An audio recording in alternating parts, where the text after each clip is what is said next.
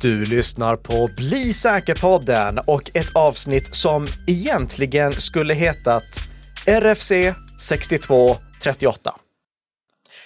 Men eftersom ingen vettig människa hade velat lyssna på ett sådant avsnitt så heter avsnittet istället Epokalypsen och QR-koden.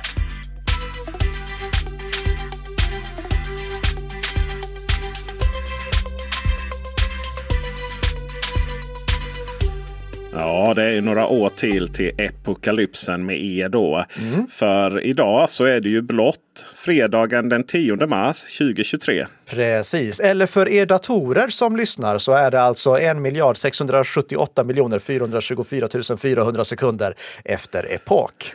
Ja, inspelat torsdagen den 9 mars. Även känt som 1 miljard 678 miljoner 357 800 sekunder efter epok. Och det där kommer vi få en förklaring till eh, ganska inom kort. Här. Ja, i veckans huvudämne. Ja. ja. Och Bli säker på den är som vanligt inspelad i ekonomiskt oberoende samarbete mellan Nika Systems och Bredband2.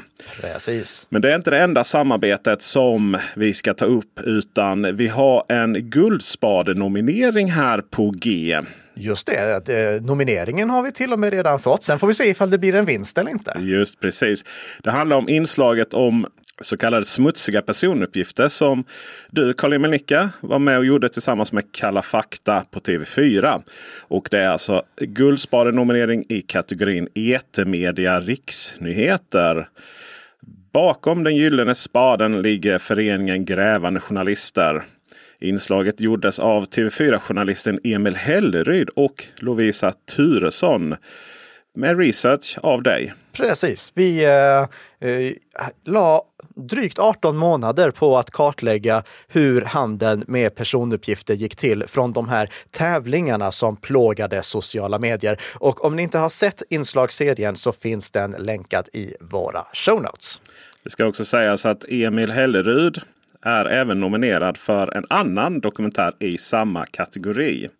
Hårt arbetande den journalisten. Verkligen. Vilket var anledningen till att jag tog kontakt med honom från första början. Han har även vunnit Stora Journalistpriset.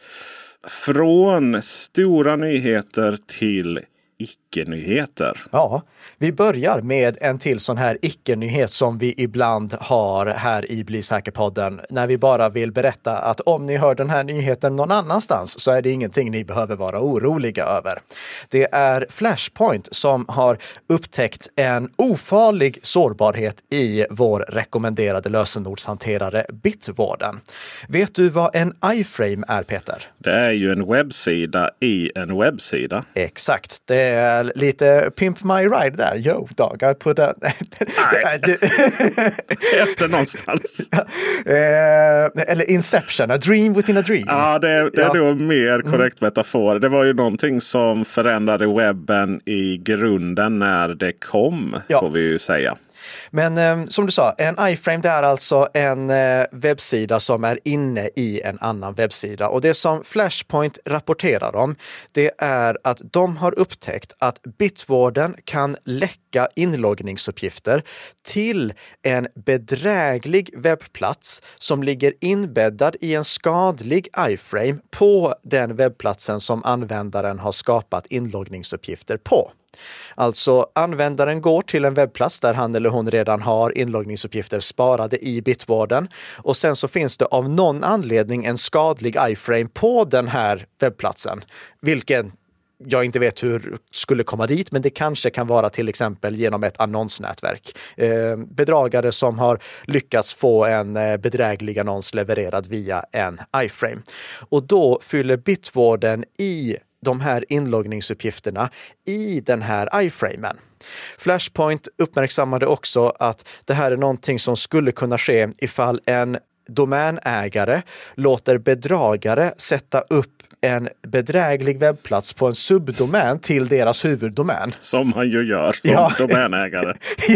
jag vet inte varför det skulle ske under några sammanhang, men i alla fall, det, de tar upp det som en potentiell risk. Och ja, då kommer Bitwarden att fylla i eh, inloggningsuppgifterna där också eftersom att Bitwarden normalt sett, det här kan man ställa in på kontonivå, men normalt sett så har Bitwarden stöd för att föreslå inloggningsuppgifter som är sparade för huvuddomänen även på dess subdomäner.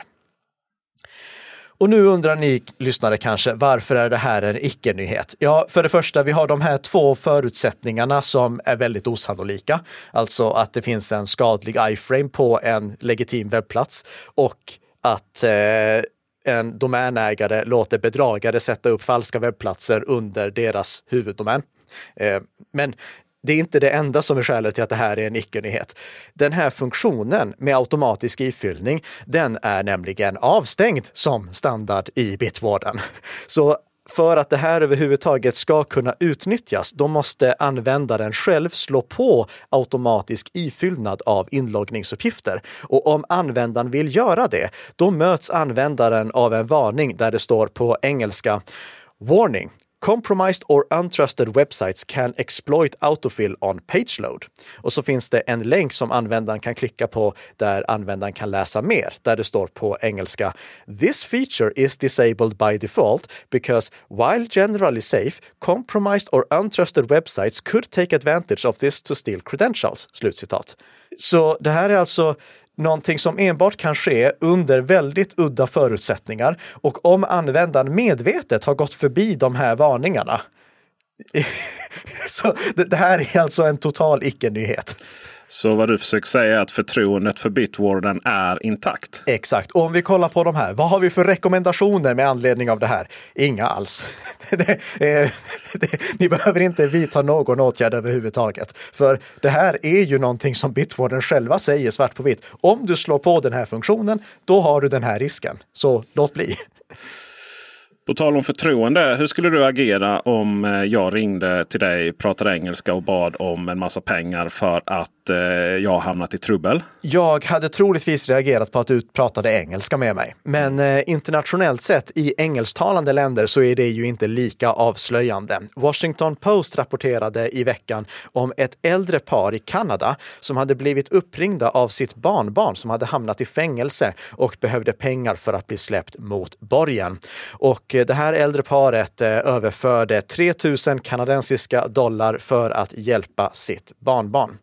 Problemet var bara att eh, barnbarnet som ringde, det var inte barnbarnet överhuvudtaget, utan Eh, det var bedragare som hade utnyttjat artificiell intelligens för att klona barnbarnets röst och spela upp ljudklipp som de genererade med hjälp av den rösten.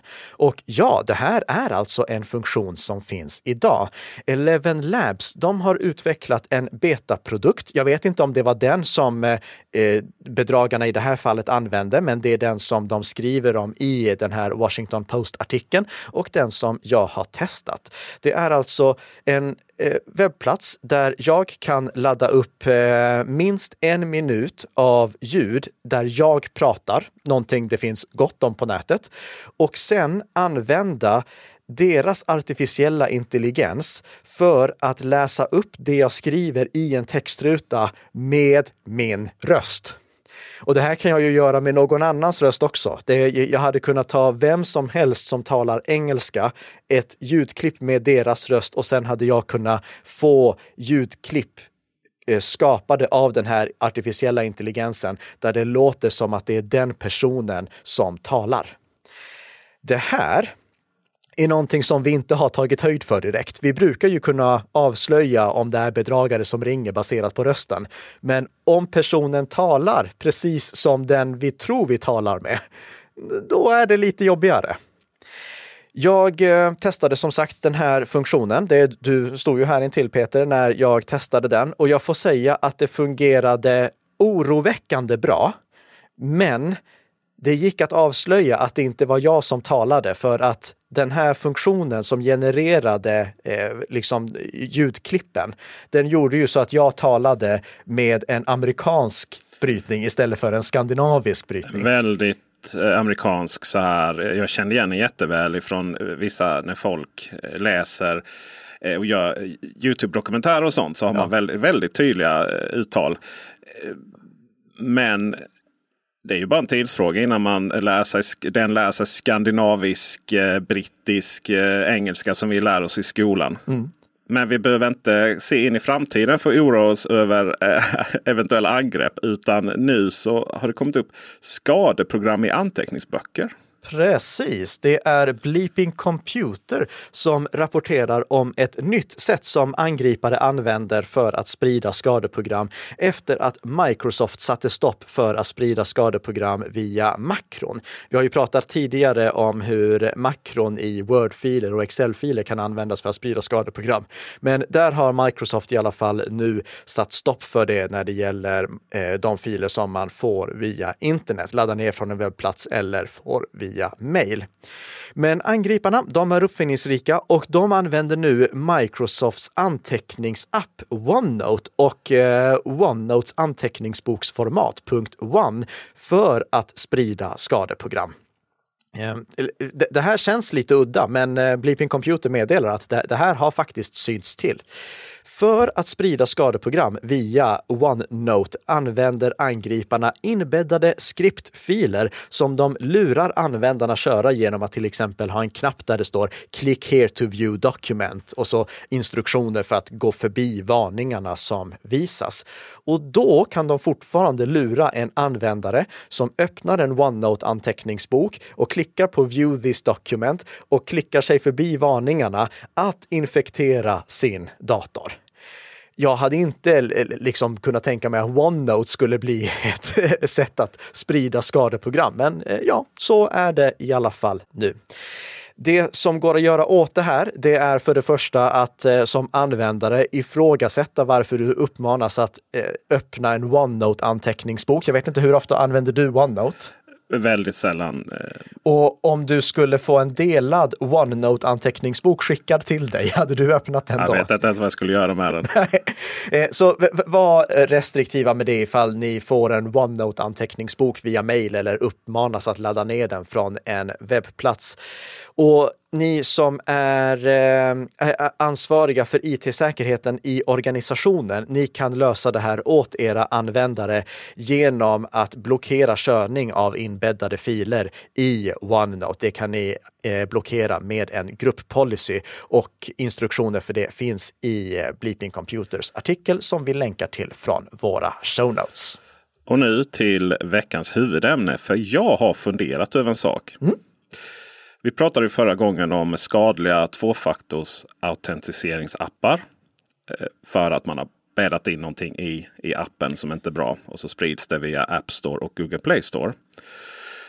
För vem som helst kan skapa sådana. Och, och då tänker jag, hur, hur fungerar den här tekniken egentligen? Och hur kan det vara en säker teknik om vem som helst kan skapa appar runt den? Ja, det är två stycken väldigt bra frågor och eh, bara eh, en första sak för att adressera den där sista biten du sa. Hur kan någonting vara säkert ifall vem som helst kan skapa appar som använder den lösningen? om vi backar tillbaka till liksom internets begynnelse, då gjordes ofta generalmisstaget att låta tekniken vara det hemliga och att låta säkerheten vara avhängig på att tekniken som används inte blir känd.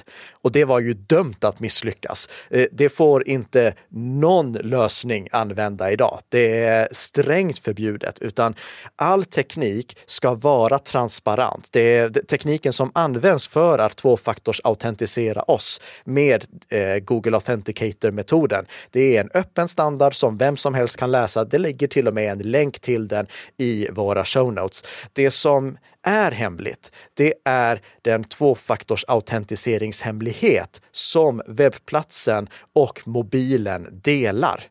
Och det är det som vi alltid ska bygga säkerheten på idag. Inte stängd teknik, utan teknik som är öppen. Vi, vi har ju förespråkat öppen källkod här väldigt många gånger.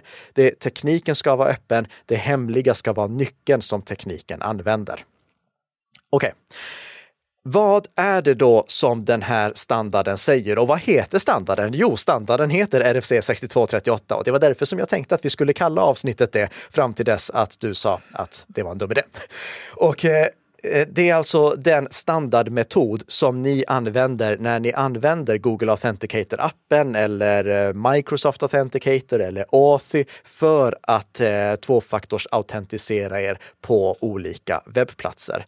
Det är värt att nämna också i det här sammanhanget att Authy och Microsoft Authenticator, de stödjer både standardmetoden och en egen påhittad metod.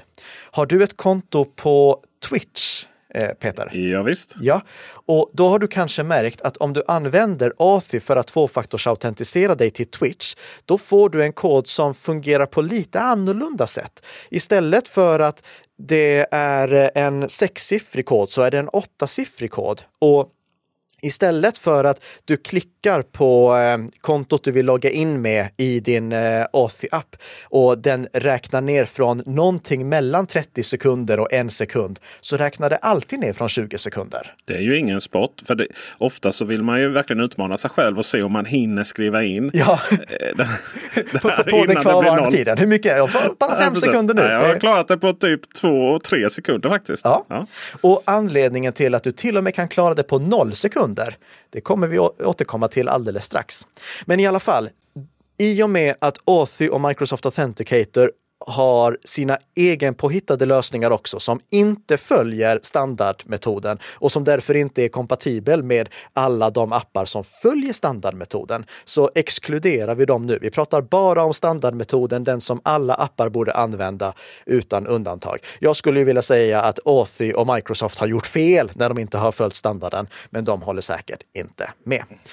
Anledningen till att jag vill lyfta upp det här först, det är att för användaren så ser det ut att fungera på samma sätt. Det är en QR-kod som användaren ska skanna och en QR-kod, det är ju egentligen bara en tvådimensionell streckkod. Tänk dig att du har en streckkod eh, och så tar du en till streckkod och så roterar du den ena streckkoden 90 grader och lägger ovanpå den andra. Då har du en QR-kod typ. Eh, men eh, en QR-kod har gjort det här på ett standardiserat sätt. Det är en tvådimensionell streckkod som innehåller väldigt mycket felkorrigeringsdata. Och du har ju säkert märkt det Peter, att även om mm. en QR-kod är skadad eller vriden så går det fortfarande att skanna den. Och det är tack vare den smarta konstruktionen av QR-koden och inkluderingen av felkorrigeringsdata. Men QR-koden den behövs egentligen inte för att du ska kunna använda den här autentiseringsmetoden. Det enda som behövs för att använda RFC 6238 autentiseringsmetoden eller Google Authenticator-metoden som vi också kan kalla den, det är en tvåfaktorsautentiseringshemlighet och ett räkneverk. Bara de två sakerna. Det är det enda som behövs. Vi, vi börjar med tvåfaktorsautentiseringshemlighet. Vi börjar med att generera en tvåfaktorsautentiseringshemlighet och det görs normalt sett på webbplatsen, eller det görs på webbplatsen. Webbplatsen skapar en tvåfaktorsautentiseringshemlighet. Och eftersom jag inte är på en webbplats nu så använder jag Peter här för att generera en tvåfaktorsautentiseringshemlighet. Ge mig ett gäng bokstäver och siffror. Oj, uh, ja varför inte C 8 4 0 5 MP 4 C 8 4 0. Tack, det räcker. Så, nu har vi vår tvåfaktorsautentiseringshemlighet. Okej, okay. det, det, så, så där genererar vi den. Eh, vi använder lite mer eh, eh, randomiserad data än Peter gjorde nu. Men eh, det, det, är bara eh, ett gäng bokstäver och siffror. Och sen behöver vi ett räkneverk. Och minns du Peter att vi för länge sedan hade sådana här små eh, donglar med en display som man kunde trycka på för att generera en ny eh, tvåfaktors. Eh, varenda gång du tryckte på den så fick du ett nytt värde. Det mm. var inte jättepopulärt i Sverige, men det fanns internationellt. Och det var för att det var helt enkelt ett räkneverk som räknade upp hur många gånger du har klickat på den där knappen. Varför behöver vi de här två sakerna då? Jo, för att de två sakerna tillsammans, det är det som genererar engångskoderna.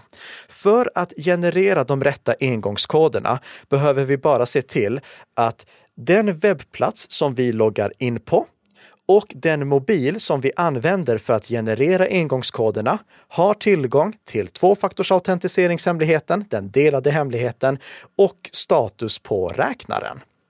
Så om jag vill aktivera tvåfaktorsautentisering på en webbplats, då går jag till tvåfaktorsautentiseringsaktiveringsguiden, väljer att eh, starta guiden. Då genereras en tvåfaktorsautentiseringshemlighet, så som du Peter gjorde.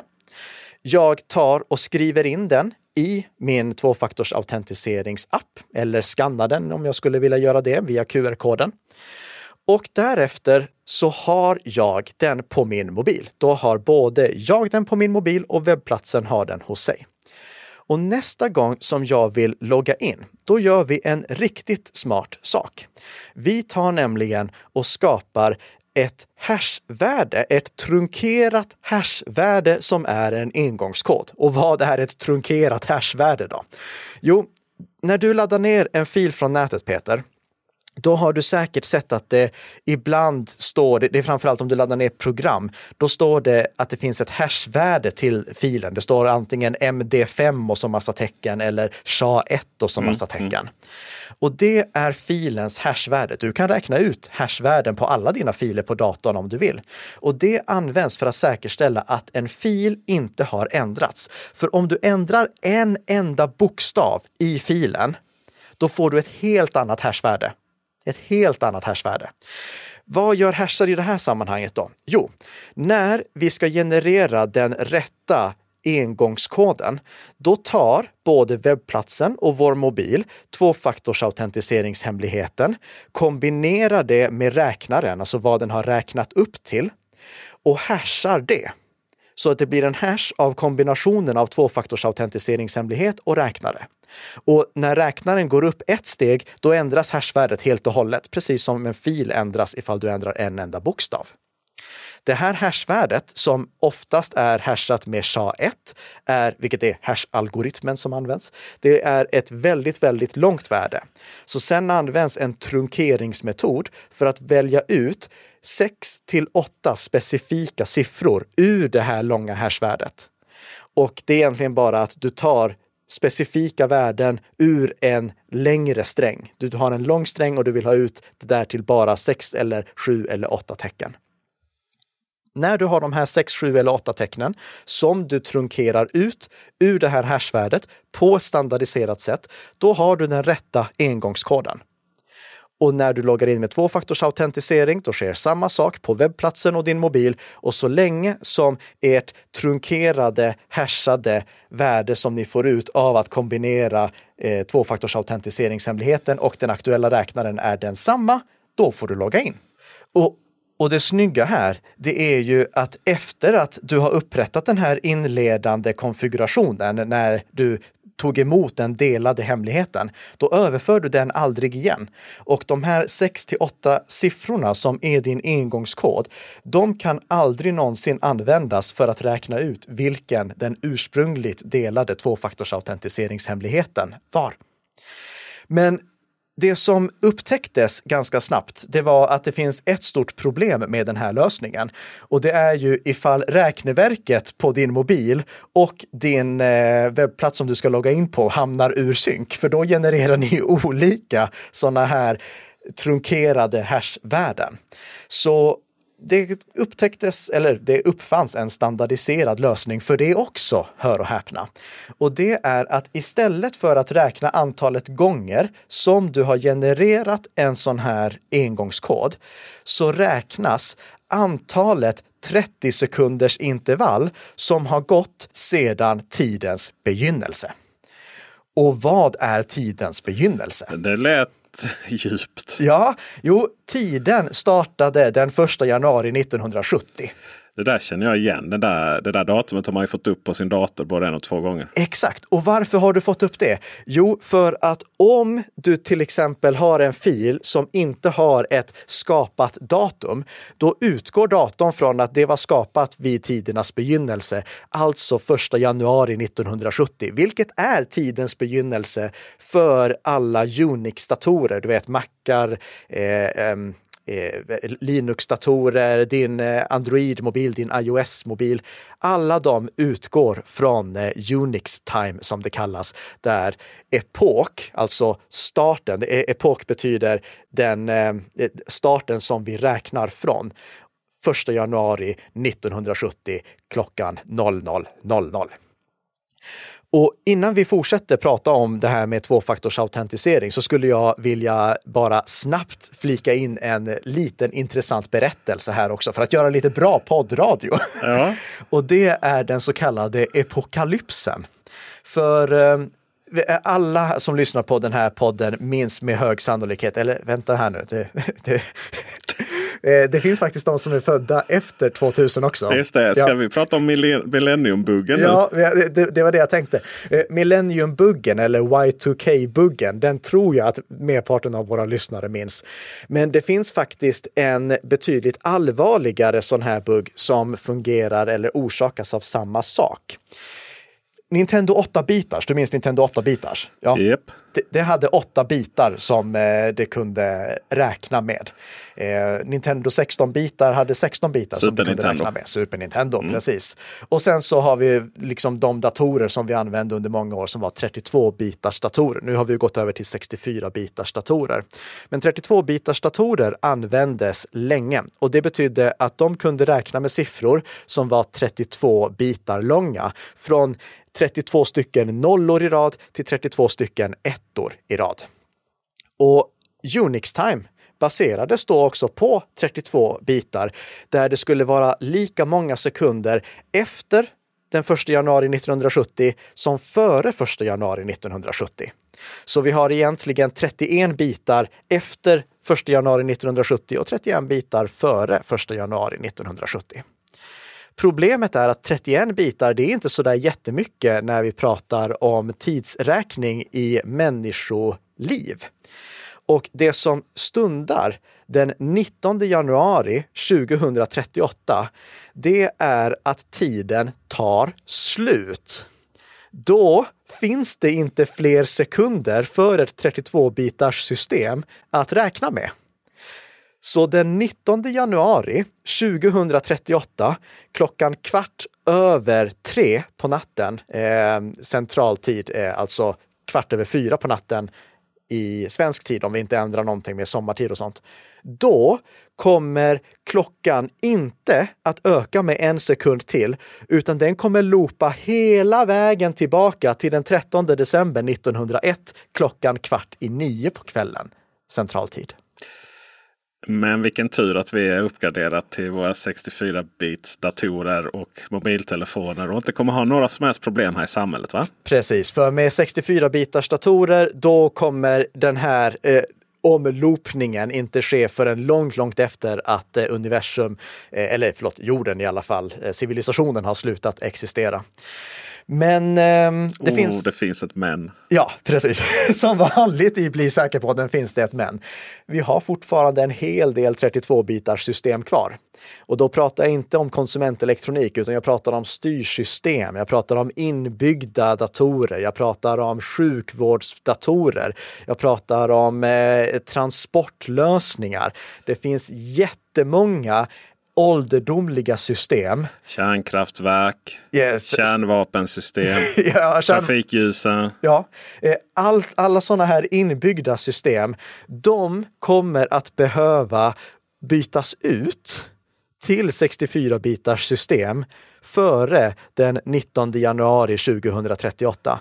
För eh, den här, eh, det här problemet, epokalypsen som det kallas, det är alltså inte någonting som orsakas av dåligt programmerade program, så som eh, eh Y2K-buggen var. Eh, Y2K-buggen, det var ju bara att de som hade utvecklat programmet hade valt att spara året som ett tvåsiffrigt tal det här beror inte på dålig programmering. Det här är alltså hårdvarurelaterat. Det här är på grund av att hårdvaran inte klarar av att räkna sekunder längre fram än till 19 januari 2038 klockan kvart över tre centraltid.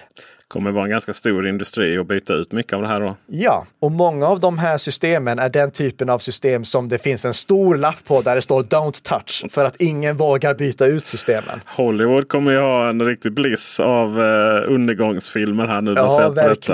Mm. Det, ehm, så Epokalypsen 19 januari 2038. Banker och sånt, det gäller att ni börjar uppgradera här i tid. Det får inte finnas kvar några sådana här gamla kobollsystem. Jag tänkte också på det. Ja. ja. Eh, så ehm, måste ni måste se till att vara färdiga i god tid till dess. Och 2038 eh, närmar sig. Hur som helst, det var en liten avstickare för er som ville veta mer om epokalypsen.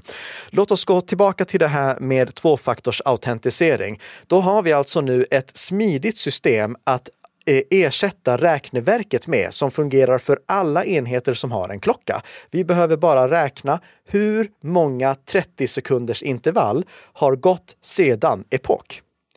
Och då behöver vi inte hålla koll på antalet gånger vi har klickat på en knapp eller någonting sånt, utan så fort det har gått 30 sekunder på nytt, då genereras en ny engångskod. Och det är skälet till att när du öppnar din autentiseringsapp då räknas det inte ner 30 sekunder som koden visas, utan du kommer in någonstans i det här 30 sekunders intervallet. Så om ni har funderat på varför det inte är 30 sekunder varenda gång, är det en bugg? Nej, det är för att det genereras en ny engångskod obönhörligen så fort det har gått ett nytt 30 sekunders intervall från 1 januari 1970. Så vad du försöker säga är att det är ganska så viktigt att inte ställa tiden efter sin analoga eh, klocka på handen då? Exakt. Det, det, är extremt viktigt att tiden går rätt. För om tiden går fel, alltså om det är ett klockslag på servern och ett annat klockslag på mobilen, då har de ju olika antal 30 sekunders intervall som de har räknat upp från 1 januari 1970. Vilket innebär att de har helt olika hashvärden som de trunkerar för att få ut den rätta engångskoden. För att det, mildra det här problemet så har vi valt ett hyfsat långt spann. Det är därför vi har 30 sekunder som standard. För att det ändå ska finnas lite, eh, vad ska man säga, det ska finnas lite tid både att knappa in den rätta koden och det ska finnas lite möjlighet till att klockorna går fel.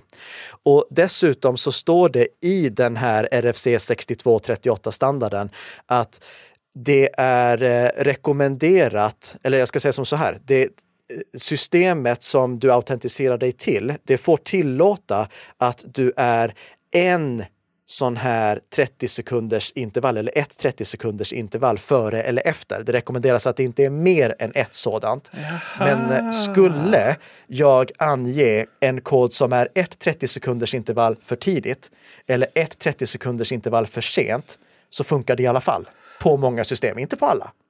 Så det är inte alls jag som har lyckats pricka rätt precis där när jag haft två sekunder kvar. Utan det finns en inbyggd hjälp och jag blir så besviken. Exakt, så du angav egentligen fel engångskod. Du angav en engångskod för sent, men det är tillåtet enligt den här standarden. Men det är ganska smart för att jag vet ju ibland när man har eh, suttit och väntat just för att man inte, man inte vill ja. trycka fel. Så man har suttit och väntat så här. Det har varit fem sekunder kvar typ till nästa. Sådär. Riktigt bra att veta. Mm. Så, varför behöver vi QR-koden då ifall det enda som behövs är tvåfaktorsautentiseringshemligheten och vetskapen om hur många 30 sekunders intervall som har gått sedan 1 januari 1970? Jo, för att den här QR-koden, den kan göra det praktiskt för oss att lägga till all eh, sån här eh, information som är relaterad. Eh, till exempel, du vill kanske ha med vilken domän det är det gäller för att det i din eh, eh tvåfaktorsautentiseringsapp ska visas liksom logotypen för webbplatsen som du hör ihop med. Och du vill kanske ha att användarnamnet eller e-postadressen ska synas också ifall du har flera konton på den webbplatsen. Så därför inkluderar den här QR-koden mer information än vad som behövs. Du får med oftast vilken domän det är du registrerar dig på. Du får med vilket användarnamn det är det gäller så att det blir lättare för dig som användare. Och skulle det vara så att webbplatsen av någon anledning vill använda någonting som avviker från standarden, för det finns viss flexibilitet. Du behöver till exempel inte använda SHA-1 som hash-algoritm. Du kan använda SHA-256 också. Men då kan den här webbplatsen bädda in det i QR-koden och säga vi använder SHA-256 som hash-algoritm istället för standard. Eller ifall webbplatsen av någon anledning inte skulle vilja räkna 30 sekunders intervall sedan den 1 januari 1970, utan sedan något annat datum, då kan det inkluderas också. Jag vet inte varför webbplatsen skulle vilja göra det, men det går att göra i alla fall. Eller ifall webbplatsen vill att det ska genereras åtta siffror i den här trunkerade engångskoden istället för sex siffror, då kan det också ingå. Så QR-koden, den innehåller mer information, men det är inte nödvändig information. Den hade kunnat skrivas ut också och du hade kunnat knappa in det manuellt. QR-koden gör det bara mer praktiskt för dig att lägga till tvåfaktorsautentisering på dina konton som vi rekommenderar alla våra lyssnare att göra. Självfallet ska ni aktivera tvåfaktorsautentisering på alla konton där möjligheten finns. Och utöver det så rekommenderar vi också våra lyssnare att prenumerera på den här podden, för då får ni nämligen redan nästa vecka ett nytt avsnitt av Bli säker-podden som gör dig lite säkrare för varje vecka som går. Tack så mycket för att ni har lyssnat. Tack!